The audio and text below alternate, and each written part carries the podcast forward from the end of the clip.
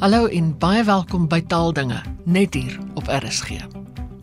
My gas is professor Eleanor Cornelius van die Departement Tale, Kultuurstudies en Toegepaste Linguistiek aan die Universiteit van Johannesburg.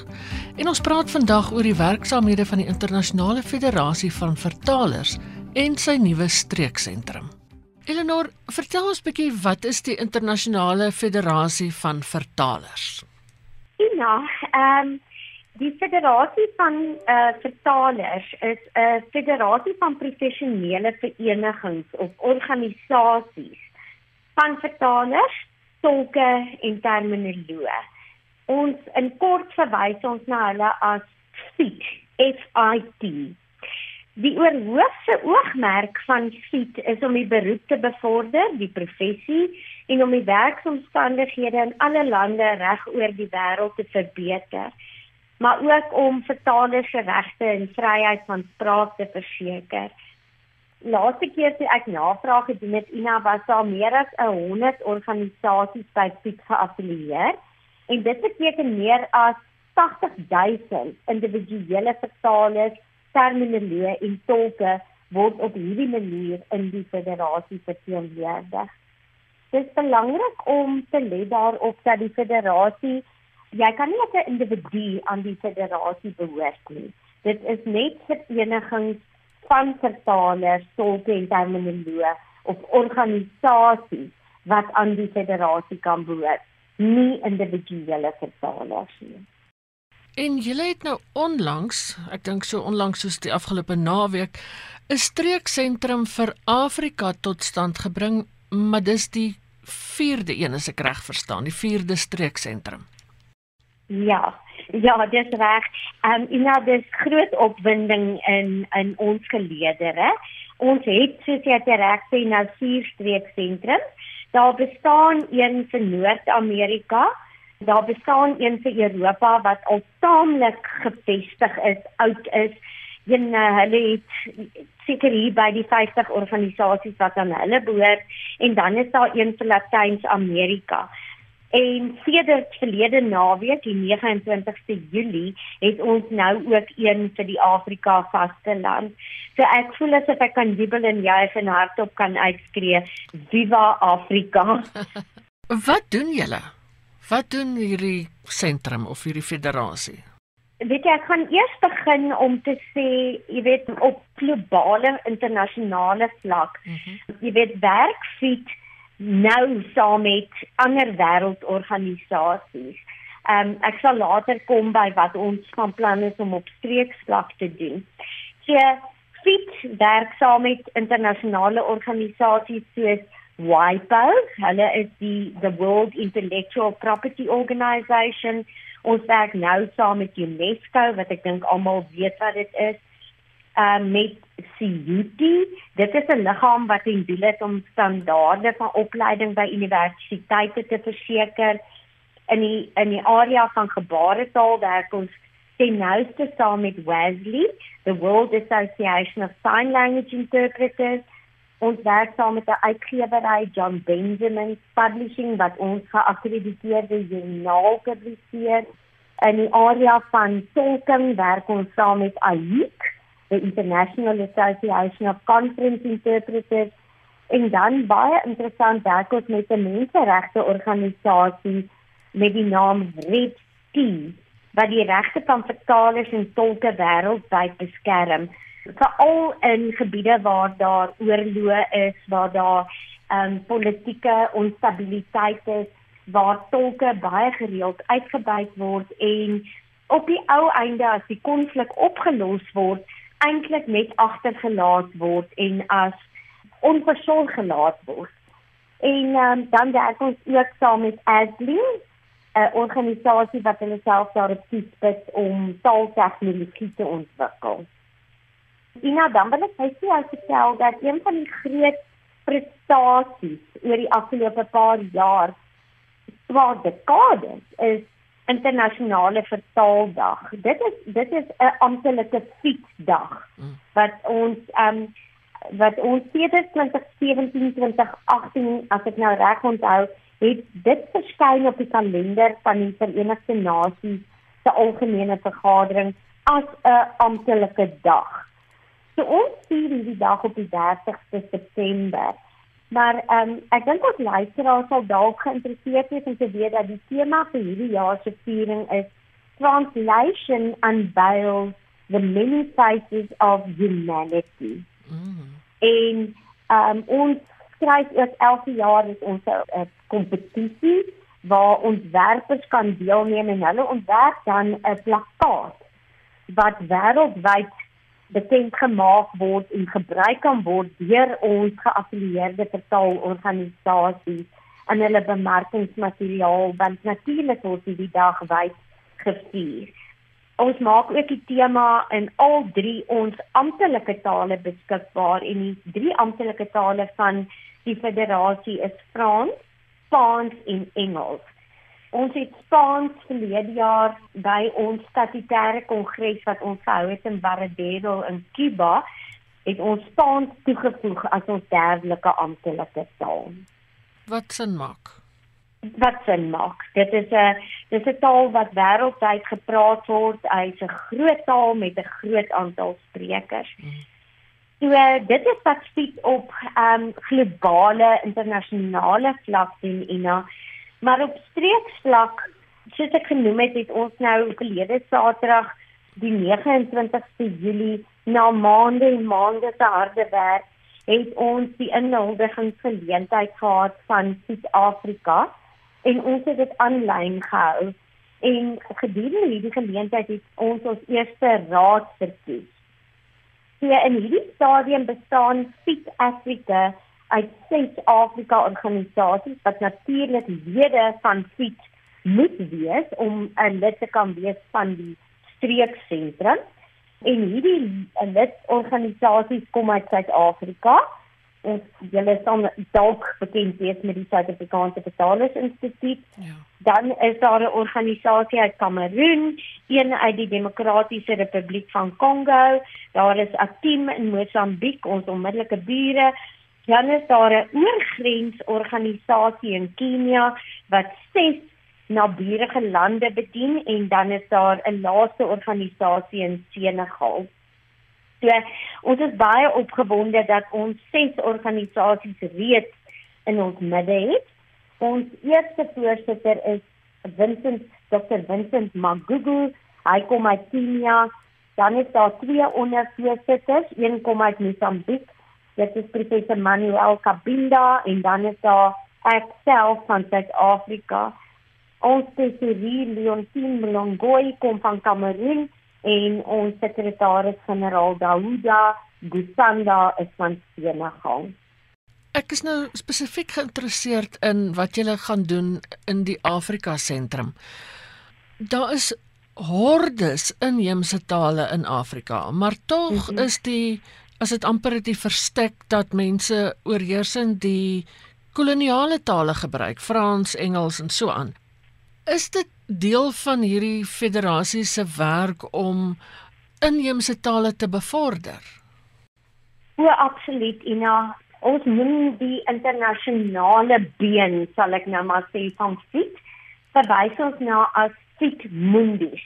Dis met ander woorde die oorhoofse organisasie, die Sambreel organisasie wat op 'n internasionale vlak werk hoe hierdie organisasie of hierdie federasie die werk verdeel is ons werk in staande komitees.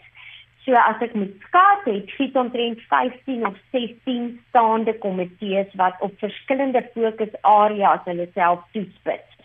Ek kan vir jou 'n paar voorbeelde gee, Ina. Ja. Jy weet ons het byvoorbeeld staande komitees vir die ontwikkeling van tegnologie ehm um, soos wat jy weet is daar nou die groot vrees vir die ontwikkeling van kunsmatige intelligensie ja. vir die gebruik van taaltegnologie vir masjienvertaling en die groot vrees is dat gehalte daaronder gaan lê. So ons het 'n spesifiek toegewyde staande komitee wat spesifiek fokus op taaltegnologie. Dan het ons 'n uh, 'n uh, taalregte staande komitee.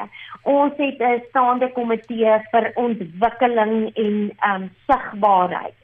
Ons het 'n komitee wat spesifiek fokus op die rol van vertalers in konfliksituasies. Ons het 'n staande komitee wat hulle self toespits op dit inheemse tale. So daar is 'n magdom 15, 16, 17 staande komitees wat op verskillende gebiede van die jy weet van die beroep fokus. Nou terug te kom na jou vraag is die komitee wat hulle self toespits op inheemse tale. Hulle het 'n doel om te verseker dat ons diversiteit hou, dat ons nie gebuk gaan onder daardie gemeene deler wat globalisering van ons wil hê nie. Jy weet dat almal vir Engels of dat daar een gemeenskaplike taal word gebruik word en dat al die diversiteit en die wonderlike verskeidenheid wat ons in die taallandskap het, nie daaronder gaan lê nie. Natuurlik moet ons op streeksvlak wat ons ook al doen met 'n lyn wees en goed belyn bly met die oogmerke en die doelwitte van Sigmundis op internasionale vlak. Nou, ek het jou nou net vertel dat ons nou maar verlede Saterdag 'n paar dae gelede hierdie streeksentrum van die grond af kon kry. Natuurlik moet ons nou 'n eerste raadsvergadering hou waar ons ons strategiese beplanning gaan doen waar ons ons kort, medium en langtermyn doelwitte gaan uitstel en so voort. Maar ek kan vir jou beloof dat een van die groot oogmerke wat ons gaan najag sal wees die behoud van linguistiese diversiteit en die behoud van inheemse tale.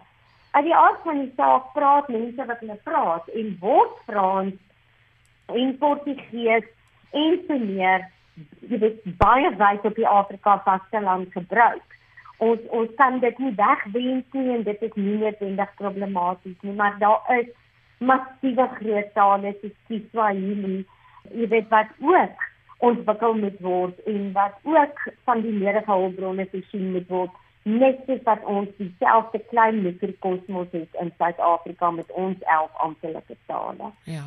Ek wil sê dit gaan amper oor meer as diversiteit. Dit gaan oor menseregte en jy het gesê daar's 'n menseregte organisasie wat die wat die regte van vertalers beskerm, maar die ja. die publiek het tog ook 'n mensereg om sy eie taal te gebruik as hy in die hof is of in die moeilikheid is, dan kan mens nou nie nog sukkel met 'n 'n ander hmm. taal nie. Ja. Ons het ook 'n jy weet een van ons staande komitees wat wat baie baie stewig gefestig is, is die regstolking en regsvertaling komitee, legal translation. En hulle beywer hulle daarvoor om te verseker dat daardie reg, die reg van die aangeklaagde, die reg van die beskuldigde nie noodwendig um altyd in die hek duik nie. Jy ja. weet want dit kan so maklik gebeur dat daar net eenvoudig gesê word ons het um begrotingstekorte ons het nie nou 'n tolk byderhand wat in hierdie taalkombinasie kan optree nie so ons is, ons maak baie seker dat daardie boodskap so wyd as moontlik uitgedra word dat dit 'n werklik 'n basiese mensereg is om van jou eie taal gebruik te maak vir al wanneer jy jou reg teen die muur is en nou jy weet wanneer die die risiko's groot is ja. en jou situasie miskien bepaal baie ehm um, jy weet riskant is en en en jy eintlik jy weet jou jou lewe in die, in die weegskaal aan. So daar is ons samewerking met ander organisasies vir ons van groot belang. Ek het genoem dat ons gereeld saam met Red Tea werk. Die luisteraars kan gerus 'n bietjie gaan kyk na wat Red Tea, rooi tee, dit is die letter T. Mm. Red Tea, wat hulle in die wêreld doen. Hulle sal byvoorbeeld in Afghanistan, hulle beywer vir die ehm um, jy weet die noodlot van die tolk wat agtergelaat word en op die ou einde eintlik gesien word as iemand wat sy land uitverkoop het jy weet omdat hy taalbemiddelingsdienste gelewer het jy weet tussen ja. twee partye en baie keer is dit jy weet sê net maar tussen die Amerikaners en die Afghanis en so voort jy weet so daardie situasie waar die tolk agtergelaat word is geweldig problematies want hulle hulle het op die ou einde is word hulle ontheem. En dan beëiwer het die hulle daarvoor om byvoorbeeld seker te maak dat hulle asiel sou kry in 'n ander land, dat hulle veiligheid verseker word, dat hulle die nodige beskerming kry. So jy weet ek wil amper sê daar's nie 'n terrein van die taalprofessie en die taalberoep waar die federasie van vertalers nie 'n rol speel nie. Nie altyd op hulle eie nie. Ons neem gereeld die hande van ander organisasies, maar dit is waar waar ons krag lê en ja, is dat ons saamwerk met ander organisasies wat spesialiseer op 'n bepaalde terrein. Jy weet waar sit meer oor hoofwerk. Ja. Ek wil aanvaar, ek verbeel my jy het so iets gesê dat eh, die federasie ook na opleiding kyk want vertalers en tolke en so moet tog 'n sekere standaard of vlak van opleiding hê om die werk behoorlik te kan doen. Ja, en nou jy weet ons spot eintlik altyd in die beroep en sê ons is eintlik die ou die ou as poestertjie in die ekonomiese um, sektor. Jy weet dan die meeste vertalers self sien hulle self in 'n minderwaardige posisie en dis werklik ware beroep wat van die vertaler geweldige kennis en vaardighede vereis. Jy weet die blote feit dat jy twee tale kan praat, beteken nie dat jy tussen twee tale kan vertaal nie. So dit is 'n hoogs gespesialiseerde beroep. En daar word gereeld verwys na die feit dat jy twee hande het beteken nie dat jy die klavier kan speel nie. Ja. Ehm ja. um, en dit is presies dieselfde in die taalwêreld. Die feit dat jy twee tale, kom ons sê nou ons bring dit bietjie nader aan ons guys is As jy Engels en Afrikaans kan praat, kan jy altyd verstaan en jy kan dalk meedoen aan 'n gesprek in albei tale, maar dit beteken nie dat jy 'n professionele diens kan kan lewer, 'n vertaaldiens kan lewer wat jy weet wat jy kan aanbied in die oop mark nie. So ons is baie ernstig in die federasie vir vertalers oor die opleiding van vertalers. Nou deesdae is daar baie groot onsekerheid in na want die meeste mense glo dat die masjien, jy weet in die vierde nywerheids ehm um, revolusie gaan die masjien die mens se plek oorneem. Jy weet, dit ja. gaan dan nie meer werk wees vir vertalers nie. Jy weet, gaan hulle uitgedien raak. Dit gaan 'n beroep wees waar waar hulle regtig nie eintlik 'n plek sien vir menslike vaardighede en kennis nie. Nou daar's lange debatte daaroor wat ons nie voor vandag tyd het nie, maar wat ek wel vir jou kan sê, Ina, is die koek wat ons moet verdeel, die volume vertaling wat op 'n daaglikse grondslag vereis word, is massief. Die volume is reusagtig. So ons het eintlik masjienvertaling nodig om ons te help om hierdie groot volumes te kan hanteer. En daar sal altyd werk wees vir die menslike vertaler. En nou kom ek met 'n lang omhaal van woorde by jou vraag uit Ina. Dit beteken dat ons gehalte vertalers moet oplei. Dit is waarom die eh, vertalers federasie, die internasionale federasie van vertalers, sien ook noue bande het met CUT. En CUT is 'n liggaam wat die programme en die kursusse van tersiêre inrigting onderskryf. Hulle gehalte is geweldig hoog. Jy weet ek jy moet weer 'n hele aantal hoepels spring voordat hulle hulle merk van goedkeuring of hulle seël van goedkeuring of stempel van goedkeuring op jou papierwerkie sal plaas. En ons ons werk nou saam met CUT om seker te maak dat die vertaler wat ons nou in die arbeidsmark vrylaat wel aangepas is vir die veranderde ontwrigtende wêreld waarin die vertaler gaan moet werk. Hmm. Baie gereeld word daar besig van vertalers verwag om na redigering tuis editing, tuis redigering te doen van rou masjienvertaling. En dit natuurlik enige vertaler se dood. Jy weet dit is om te kyk of kommas en punte op die regte plekke deur 'n masjien geplaas is of daar rare karaktertjies ingevoeg is en so aan. En die meeste vertalers wat ek ken, is geweldige intelligente mense, geweldige kreatiewe mense met ehm um, die oogmerk om probleme in vertaling op te los. So ons moet oppas om te dink dat die toekomstige vertaler gereduseer gaan word as iemand wat net na redigering van masjienvertaalde tekste gaan doen. Die vertaler gaan haar rol op nie met uitskoffel en dit sal inhou dat die vertaler dalk haarself ook meer moet wend na skryfwerk, kopieskrywing, benewens die doen van vertaling, you know. Ja, want ek dink die een ding wat 'n masjien nie noodwendig kan doen nie is om die nuance te verstaan wat hy moet vertaal. Nee. Nee. Want vertaal is tog nie net jy verplaas die een woord met 'n ander een in 'n ander taal nie. Nee, nee. Ehm, um, you know, jy sal nog op verstom wees. Ek het nou 'n bietjie blootstelling aan van die beste taaltegnologieë. Ehm, um, jy sal verstom wees om te sien hoe goed van hierdie masjienvertalingsstelsels nou ongeword het. Mm. Ehm um, want hulle leer hulle self, jy weet, so hulle werk met die groot data en hulle leer hulle self van die groot hoeveelheid data wat ingevoer word in die stelsel.